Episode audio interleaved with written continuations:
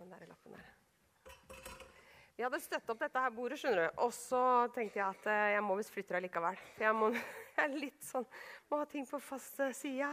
Ellers så blir det litt gærent for meg. Ja da. Det var ikke så enkelt som jeg trodde.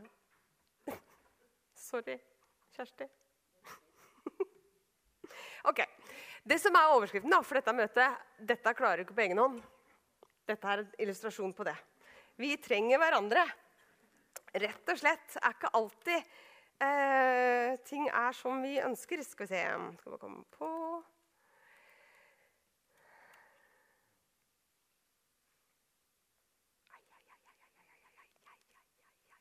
Sånn. Så den.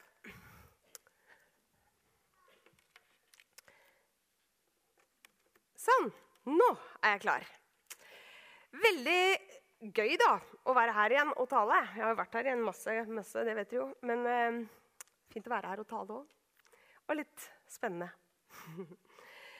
Å finne veien tilbake til Gud er hovedoverskriften for den tida vi er inne i nå. Og så er altså dagen i dag dette her er for stort til å klare på egen hånd. Vi trenger rett og slett hverandre. Eh, så jeg har lyst til å si at Uansett hva din situasjon er, da, uansett om du noen gang har vært i kontakt med Gud eller aldri har vært, eller altså uansett hva, på en måte, så er det alltid en vei til Gud, eventuelt tilbake til Gud. Det har jeg lyst til å si helt sånn i starten.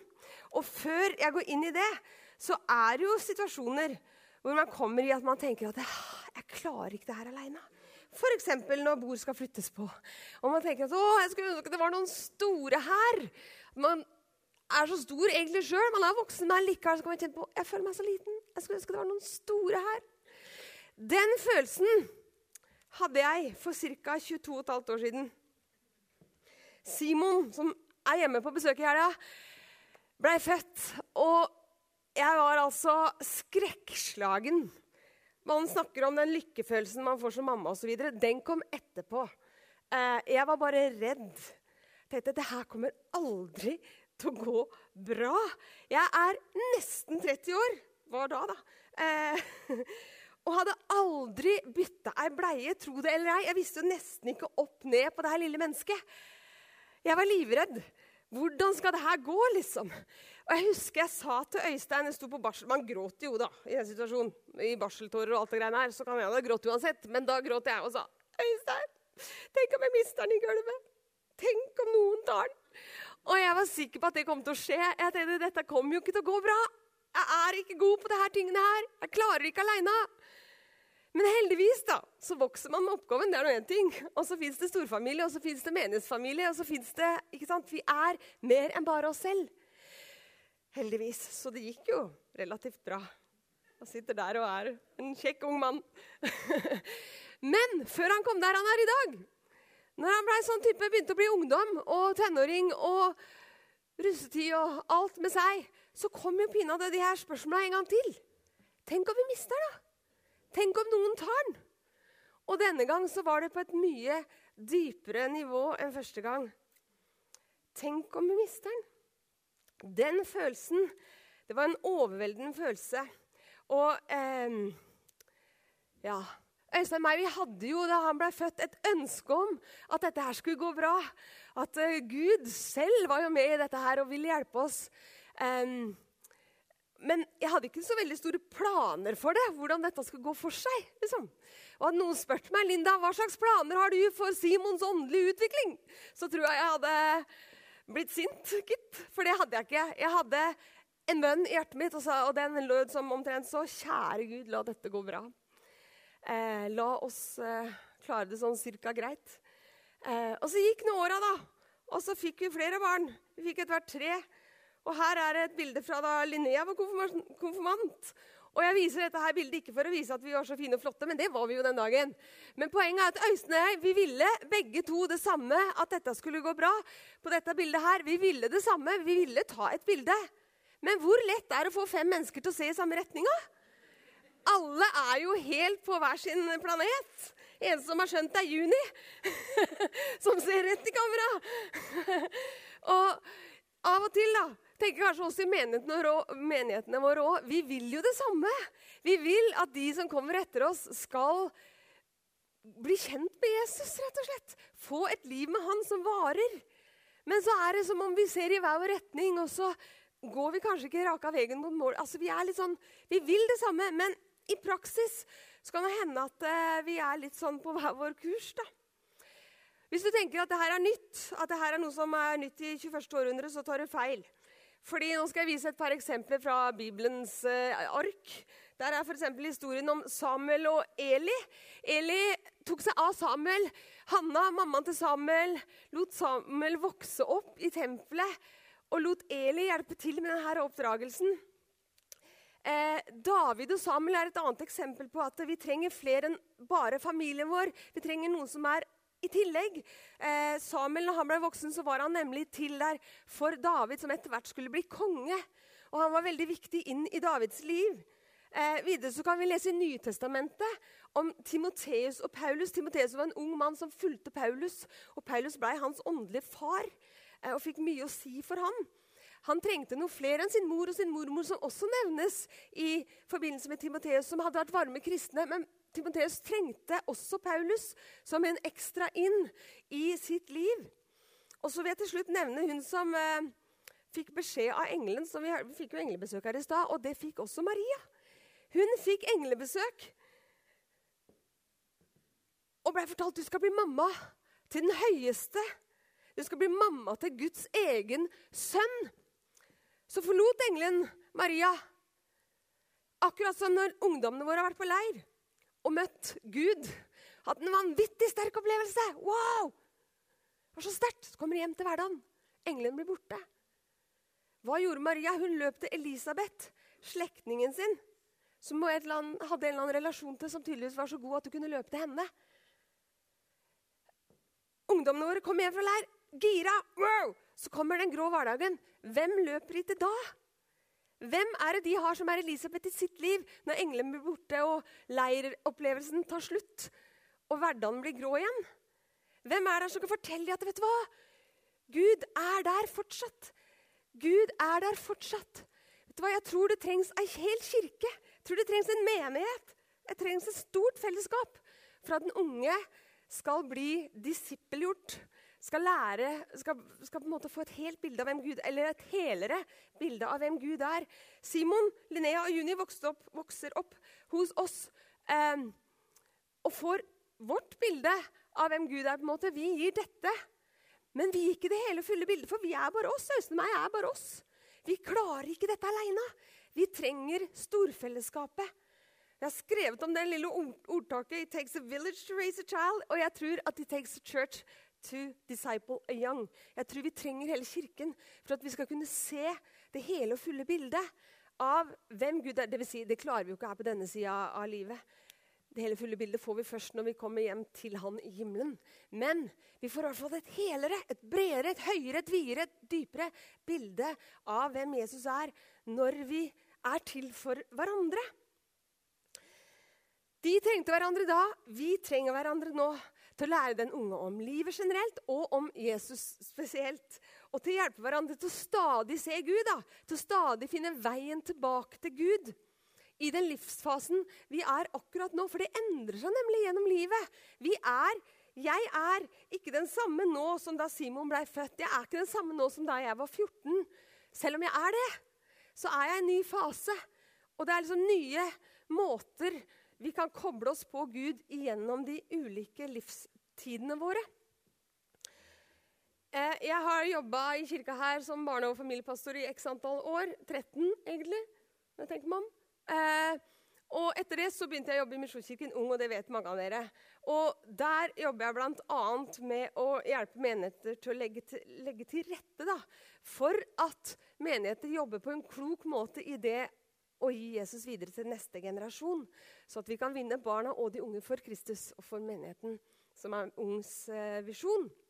Um, og det er særlig tre ting som vi kan legge vekt på i det her med disippelgjøring. Jeg syns disippelgjøring er litt sånn vanskelig ord. skal jeg være ærlig, jeg strev med. Nå har jeg jobba så mye med at jeg sier det helt sånn lett. Men i starten så syns jeg faktisk det var litt vanskelig ord. Synes det var litt stort ord. Disippelgjøring, liksom.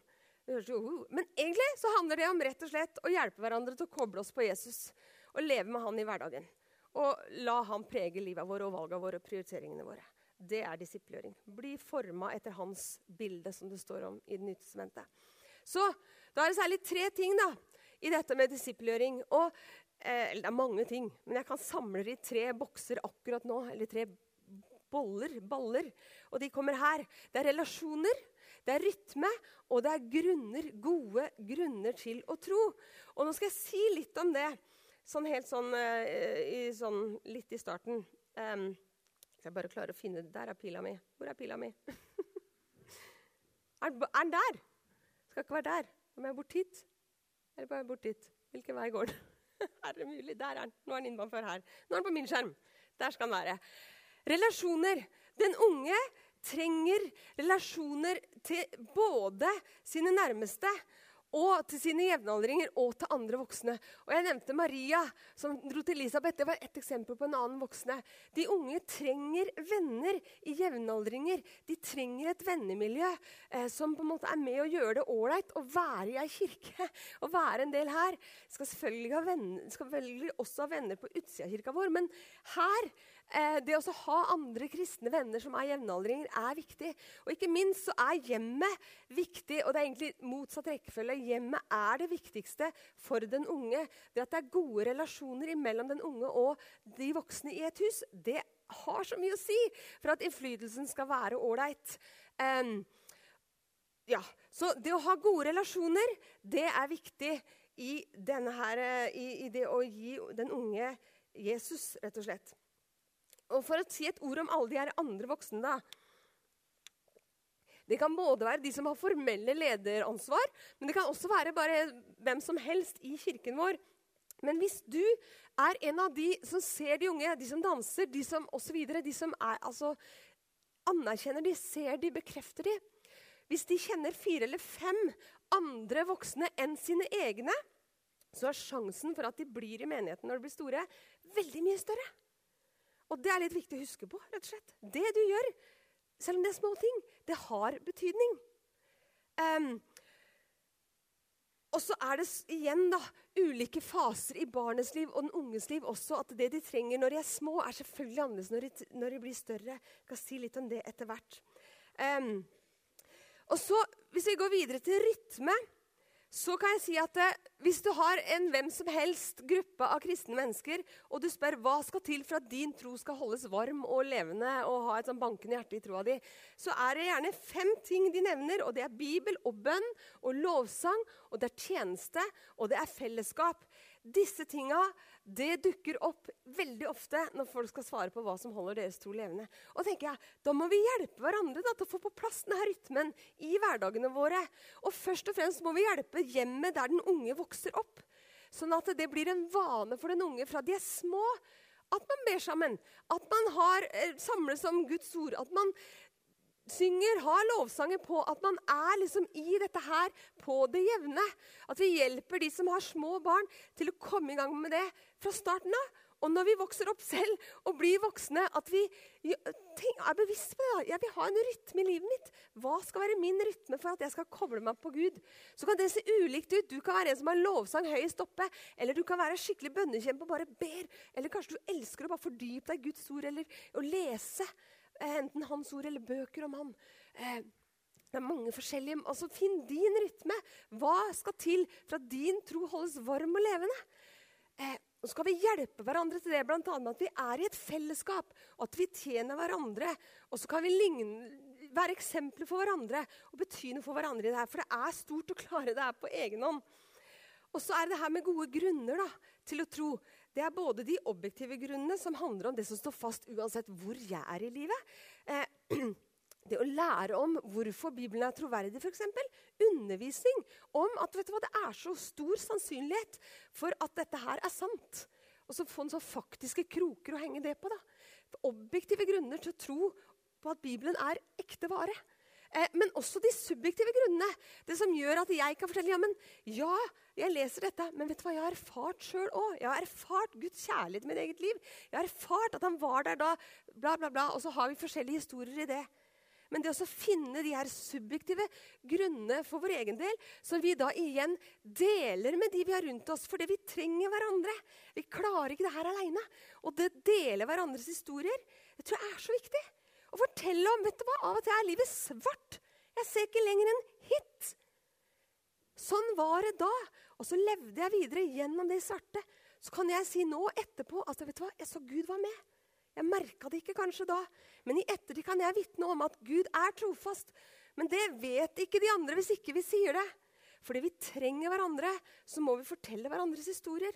Og vitne om at han er verdt å leve for. Vitne om at Gud har en levende sønn som heter Jesus Kristus, som har gått på jorda vår, og som smalt gjennom døden og lever fortsatt. Det kommer ikke av seg sjæl, de tinga her. Det må vi være bevisst på å dele med hverandre. Men da må vi finne arenaer hvor vi deler det med hverandre. For det heller går ikke av seg sjøl. Det står at fellesskap er en av disse rytmegreiene. Og det å ha gode fellesskap, f.eks. som vi er nå Men da snakker vi jo ikke så mye sammen. Nå lirer jo jeg med, med mye greier her. Eh, og dere har ikke sjans til å si den tilbake. I hvert fall så blir det lite av det.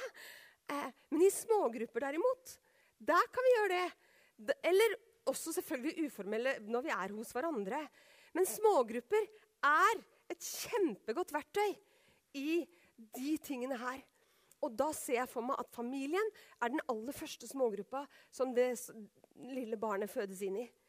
Da Simon da var den lille knotten med alt det her håret på huet eh, Han har for så vidt masse hår på huet ennå, når jeg tenker meg om. Eh, men da han ble født inn i Andrak Johannessens smågruppa, og så var vi litt sånn lost in space. Der. Hvordan gjør vi dette? Eh, men det å utruste disse hjemma da, som får barn, som har barn, som har ungdommer, som har utflytta ungdommer, som ikke lenger har barn i huset, som har blitt pensjonister, som har blitt aleine, som har osv. Alle de forskjellige livsfasene våre. At vi utruster hverandre og hjelper hverandre til å ha et liv med Jesus i det livet vi faktisk har. Nå skal jeg si litt om sånne faser man går igjennom. Og så da skal jeg bruke en modell som heter disippelmodellen. Og igjen da, dette er vanskelig ordet disippelgjøring. Men da har jeg definert litt om det, så da skjønner dere at det er ikke så vanskelig. Det er ikke så farlig. Det handler om å koble seg på Jesus i de ulike livsfasene vi er. Og så, Når jeg skal vise denne modellen her, så bruker jeg noen eksempler fra barna som er først små, og så vokser de til. Men det må sies at det her kan tilpasses til voksne også. Hvis man er f.eks. ny i livet med Gud, da, det å vandre med Han og liksom bli stadig mer voksen og moden i sin relasjon til Han. Eh, så sånn sett, så Selv om jeg nevner noen aldersgrupper, her, sånn, så kan det òg overføres til voksne som er ferske i troen, og som blir modnere i troen. bare så det er sagt. Så den første firkanten i disippelfirkanten den handler om at barnets Her snakker vi om de små barna under skolealder eller den ferske kristne. Barnets entusiasme er stor, og kompetansen er lav. Og Der observerer barnet hva du gjør. Der observerer den ferske kristne deg. Hva du gjør, og hvordan du lever med Gud på. Hvordan du snakker om Jesus, hvordan du er sammen med han. Um, den unge, det lille barnet, blir motivert av trygghet. Og det å være trygg er så ufattelig viktig. At de kjenner seg omfavna. Eh, at de kjenner seg hjemme og føler seg elska og tatt vare på. Og Det var omtrent slik Jesus møtte sine første disipler. Det står om det at eh, De kjente han jo ikke ordentlig ennå, men de hadde sett han, og så hadde de observert han, og så fulgte de etter han. Og de var da tydeligvis trygge nok til å spørre hvor bor du? De ville se mer av hvem han var. Og så svarer Jesus, 'Bli med og se. Jeg skal vise dere.' Så står det at de gikk med ham, og den dagen så var de sammen med ham og blei hos han hele den dagen. De kjente han ikke ennå, men de var trygge nok til å spørre. De var trygge nok til å bli med ham. Og den nysgjerrigheten der som de hadde fått, den tenker jeg vi kan vekke i barnet og den ferske kristne. Der de ønsker å bli mer kjent med ham. Det kan vi gjøre bl.a. ved å lese for barna, synge med barna, leke med dem. Barna kan bli med og se. De ferske kristne kan bli med og se. Og når de blir litt eldre, så er de klare for å engasjere seg mer. Det kan arte seg f.eks. ved at den lille leser da har lært å lese, de kan lese et bibelvers eller de kan lese en tekst eller hva som helst ved middagsbordet. For eksempel. Hvis dere ønsker å samles rundt og ha, ha liksom en slags familieandakt anførsel, eh, rundt middagsbordet eller en samlingsstund eh, med Gud, kan vi kalle det for ungene vet hva en samlingsstund er. Det er de vant med fra barnehagen. En samlingsstund med Gud, rett og slett. Eller at man, da for de som da er voksne, men som er blitt ferske kristne, at, det, at de også blir utfordra på å ta noen nye steder. Gå litt lenger i smågruppa og så kanskje be høyt kanskje en gang. Eller test, altså tørre å gjøre litt utfordringer på det. Det er ikke alltid entusiasmen er like stor hos de unge. Eh, kanskje ikke, eller kanskje det tydeligst kommer fram når det er type tweens-alder. 10-12 år, tweens, de faller ofte litt sånn imellom alt. Og alt blir veldig kjedelig. Veldig kjedelig. Men det at de fortsatt får høre vet du hva, du er så elska, at de fortsatt blir bekrefta, og at de kjenner seg akseptert som den de er, midt i det livet de nå har, det at de da får nye utfordringer For det er kanskje litt kjedelig å fortsatt bære den kista ut herfra da, fordi de har vokst fra det. type. Eller de trenger nye utfordringer som er tilpasset dem i den fasen de er nå. Ehm, og akkurat som de yngste motiveres av trygghet, så motiveres småskolebarna av å ha det gøy. Så det å leke seg gjennom bibelfortellingen for eksempel, er wow, litt for de. Mens tweensen motiveres av å kjenne seg akseptert, at de hører til. Disiplene de var også temmelig lunkne en gang, som det står om i, i Nytestamentet. Da en diger folkemengde hadde vært sammen hele dagen, og Jesus hadde talt, de var kanskje ganske slitne og trøtte på alle de folka, så begynte de i tillegg klage på at de var sultne. Det var 5000 mannfolk, sultne mannfolk der. Det kan jo være en prøvelse. Eh, men da sa Jesus de trenger ikke å gå herfra. De kan fortsatt sitte her. Dere skal gi dem mat. Dere, Hæ? Skal vi gi dem mat? sa disiplene. Ja, dere skal gi dem mat. Jesus ga de unge nye utfordringer. Han viste de at det gikk an å gjøre noe i den situasjonen. og Han ga de nye utfordringer, og han støtta de og supporta de og heia på de, så at de fikk det de trengte for å gjøre det de ble utfordra på. Sånn tenker jeg vi kan gjøre òg med hverandre. Når barnet vokser inn i tenåra, så blir friheten mer og mer viktig. De motiveres av friheten. Og selv om den unge helt klart har sine, eh, hatt sine egne gudserfaringer eh, til nå, så kan de få enda mer av det. Og også mer og mer utafor hjemmet. Fordi de blir ungdommer, og de trenger mer frihet. De trenger å være mer med andre. Og det å erfare Gud med andre enn bare hjemme, det kan de selvfølgelig også ha gjort før den tid. Men nå snakker jeg litt sånn med brei pensel. Og da tenker jeg at dere unge da, som sitter her nå er uh, unge tenåringer Det at dere finner deres egen rytme utav, som ikke har med kjernefamilien hjemme å gjøre lenger, men finner deres egen vei, deres eget liv med Jesus, der du har ditt eget bønneliv, der du har ditt egen tid med Gud gjennom å lese Guds ord og er med i en smågruppe. Det å ha deres egen rytme, som, der dere står på egne selvstendige bein, hvor deres tro ikke lenger bare bæres fram hjemmefra, men er deres egen. Fordi dere tar nye steg med Gud. Eh, og jeg tenker Det er så viktig at dere finner deres egen rytme. Og da er vi voksne at vi heier på de.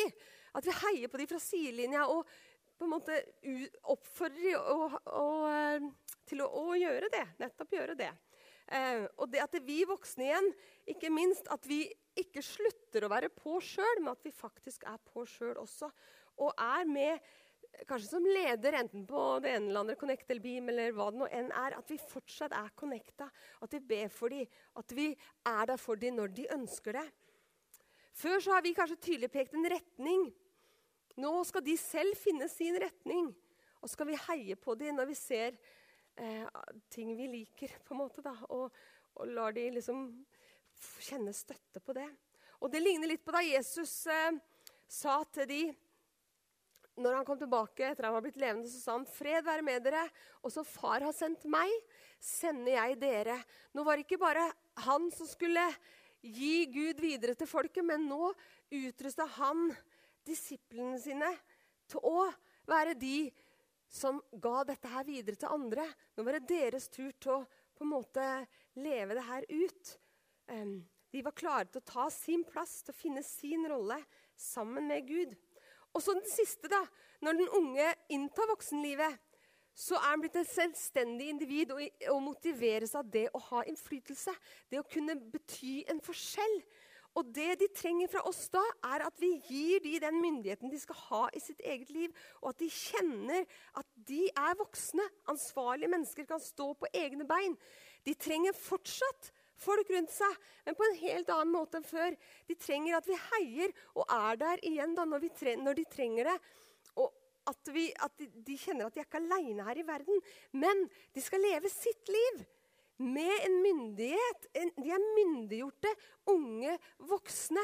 Fordi vi har utrusta dem og hjelpa dem til å mobilisere og være den de er, sammen med Gud. Og så tenker jeg at eh, i tillegg til at den voksne, eller den unge voksne ser at de kan bety en forskjell, så ser de også litt bakover på hvor de kommer fra. Og det vi da kan gjøre for dem, er å fortsatt være på. Men jeg skal først bare ta et eksempel fra Bibelen på det her. Der Jesus faktisk reiser fra disiplene. Han drar til himmelen, og så sier han, 'Gå ut. Nå er det dere.' Nå hoppsi, må dere stå på egne bein. Skjønt han sta ikke helt egne bein, altså jeg skal alltid være med dere i form av Den hellige ånd. Så sånn sett så er vi ikke helt aleine. Og godt er det. Men han sendte disiplene sine ut i verden og sa, 'Gå ut og gjør folk til disipler.' Nå er det dere som skal gjøre dette her. Jeg vil være med dere sånn ved min Hellige Ånd. Og denne disippelfirkanten, da, hver av disse boksene, I hver av disse aldrene så er det altså ulike ting vi kan koble oss på for at den som er i den aktuelle firkanten, skal ta et neste steg med Jesus. Eller et første steg med Jesus. Og vende tilbake til Gud, kanskje. Eller vende seg til han for første gang. Skal vi være med på å lede dem inn i det. Og hver eneste fase av livet våre er et unikt tidsvindu hvor vi kan koble oss på på en bestemt måte. Det ser ulikt ut, men hver fase har sine muligheter. Og så er det noen faser som er mye mer slitsomme enn andre. Hvor man bare tenker 'Å, Gud, la den tida her gå over'. La, la barnet bli litt Altså eksempelvis når, når, når eh, f.eks. et av barna kaster telefonen i skurebutta, f.eks. Jeg sier ikke navn. Men det kan være sånn 'Å nei, orker ikke mer'. Det er så slitsomt. Av og til så er det noen faser som er litt mer krevende enn andre. Og da kan du tenke åh, jeg skulle ønske at jeg altså, kan nok bare bli fire år. da. Så det er litt lettere, liksom. Men vet du hva? Det er bare en fase. Så ikke gå glipp av den. Det er nå tida er. Og det er den fasen vi er nå, som er den viktigste. Og det å koble oss på akkurat nå, det er det som er greia. Og i det så trenger vi hverandre. I det så trenger vi at noen andre er der for oss hele tida og støtter oss og hjelper oss og utruster oss til det. Og så nevnte jeg noe med den siste Jeg skal ikke si noe om hvordan alt dette skjer i de ulike fasene, mer enn det jeg har gjort. Men jeg skal si at når de blir unge voksne, og du tenker at det, ferdig, nå klarer de seg sjæl, så er det om å gjøre at ikke vi hopper opp på gjerdet. Ikke kobl ut. Vær fortsatt på. Vær fortsatt connecta på Gud for din egen del. Vær fortsatt engasjert i menigheten for din egen del. Vær fortsatt med for din egen del. Elsk Herren din Gud av hele ditt hjerte. Fortsatt for din egen del. For det vil også reflekteres til den unge som er blitt voksen. For han eller hun vil se Oi! Det var visst ikke bare for å få meg gjennom ei mølle. Det var visst ikke bare for at jeg skulle ha et godt ungdomsmiljø. Men det var jo fordi det betyr noe for dem. Det var visst et liv, dette her. Det var ikke bare en trakt, men det var et liv. Det der med Gud og Jesus sånn, det må jo virkelig bety noe for dem. De er jo fortsatt på, jo. Må, vi, må, vi, må, fortsatt være på. Vi må ikke slutte. For det her handler om hele livet vårt. Vi må fortsatt være på fordi vi trenger hverandre. Jeg tror det var meninga at vi skal koble oss på hverandre gjennom hele livet. Jeg tror det er meninga at vi skal leve og ta Jesu ord på alvor og leve med Han gjennom hele livet. Ikke bare når barna er små, ikke bare når barna er ungdommer. Når, altså, uansett hva. Hele tiden så skal vi koble oss på fordi vi er kalt til et liv som er mer enn dette her. Det var det Martin spurte om for et par uker siden. Det må det være mer enn dette? Ja, det er det! Det er mer enn dette her. For Gud vil at vi skal leve ut Hans rike her. Nå, i den fasen du er akkurat nå. Hans rike er nær. Hans rike, hans kongerike, er i deg nå. Uansett åssen ditt liv ser ut. Så lenge du lever med Jesus, så er hans rike i deg nå. Og det syns jeg er helt wow å tenke på. Og jeg tror at de første kristne levde nettopp det. De var sammen i hjemma.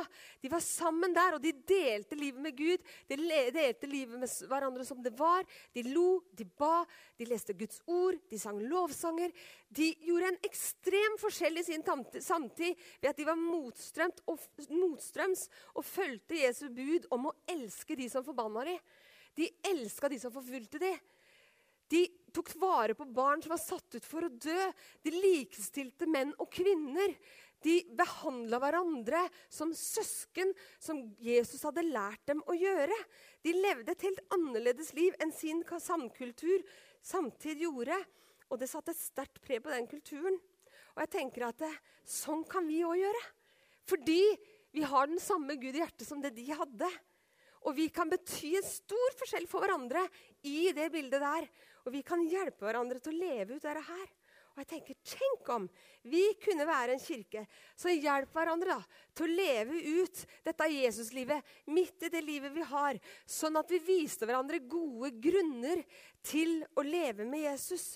Og tenk om vi kunne være en kirke som la til rette for gode relasjoner på tvers av aldersgrupper. Det, så vi fikk alle de her andre stemmene inn. Og innad aldersgrupper, så vi har gode venner blant oss i alle aldersgrupper. Så det er lett for nye å komme til. Så vi fikk gode relasjoner innad alle veier i kirka vår, i fellesskapet vårt. Og tenk om vi kunne være ei kirke som hjelper hverandre til å ha en god rytme. da, Både som enkeltindivid og som smågrupper, familier og som menighetsstorfellesskap. Der vi lot Jesus få en helt naturlig og helt integrert plass i de hverdagene vi har. Tenk om vi på den måten kunne gjøre det lett for mennesker å finne veien tilbake til Gud. Jeg tror at det er mulig. Jeg er helt overbevist om det. Ellers hadde jeg ikke giddet å holde på med det her. faktisk. Jeg tror at Gud lengter desperat etter hver og en av de som fins på denne kloden. For han elsker de så høyt. Han vil så at hver og en skal koble seg på han. Skal koble seg på han og erfare den kjærligheten han har til de. Skal erfare at han har tatt deres synder på korset og dødd for deres synder. Sona deres synd. Og ikke bare det, han har blitt levende igjen. Og han lever nå. Og det vil han. At alle skal få erfare, så at deres tro blir varig. At ikke den bare er gjennom et ungdomsløp og gir en god ungdomstid. Det er verdifullt i seg sjøl, men det er ikke varig. Men hvis vi kobler på på sånn måte at de får gode grunner til å tro, at de får en rytme som gjør at livet med Jesus holdes levende, at de har gode relasjoner som hjelper dem til å ikke stå aleine i det her For vi trenger hverandre. Da tror jeg det kan skje. Den fortapte sønn har på en måte vært den overbyggende historien, disse her møtene som vi har hatt med denne serien her. Og Det stor, står om den fortapte sønn som stakk av med arven hjemmefra og dro av gårde og liv, levde livets glade dager. Og så gikk det til slutt så gærent at han uh, spilte bort alt han hadde, og blei da sittende i gørra. Så står det at mens han satt i grisebingen og passa griser, så kom han til seg selv og sa Hvor mange leiekarer hjemme hos min far har ikke mat i overflod, mens jeg går her og sulter i hjel. Han satt der, så kom han til seg sjøl, og det var det som fikk han til å dra hjem igjen til slutt. Men han kom til å tenke på leiekaren hjemme. Jeg tror han hadde hatt et kjempegodt liv før. Han dro ikke fra noe vondt. Vi erfarer ofte at mange av våre ungdommer som vokser opp i kirka vår, mange av barna våre, de forlater Gud, forlater kirka. Ikke fordi de hadde vondt, ikke fordi de hadde det kjipt, men de ville si ah, det må da være mer. liksom. Jeg skjønner det. For Hvis ikke de har fått gode grunner til å være hos ham, hvorfor skal de bli da? Hvis ikke de har fått den rytma på plass, hvorfor skal de bli da? Han dro, så kom han til seg sjøl. Men hvis vi hjelper de unge til å faktisk kjenne at det er mer, det er gode grunner Hvis de kjenner mens de fortsatt er hjemme, at det er et sted å bli Men så drar mange, da. Så kom han til seg sjøl, og den han tenker på, er ikke far. Men den han tenker på, er leiekarene.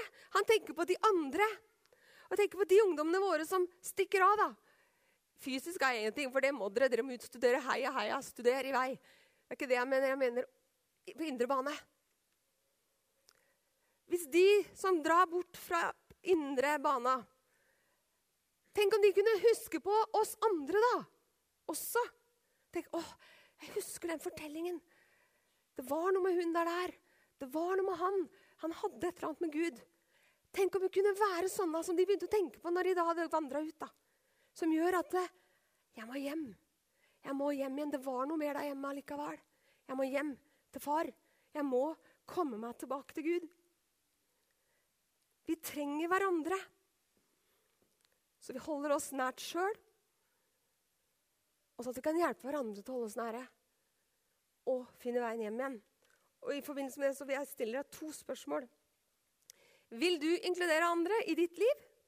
Er du villig til å liksom la andre bety noe for deg? Så at du slipper å gå aleine i det å finne veien tilbake til Gud. Og vil du bry deg om andre sånn at de slipper å gå aleine i sin vei tilbake til Gud. Det handler egentlig om å koble oss på hverandres liv. Være til for hverandre. Er vi villige til det? Orker vi?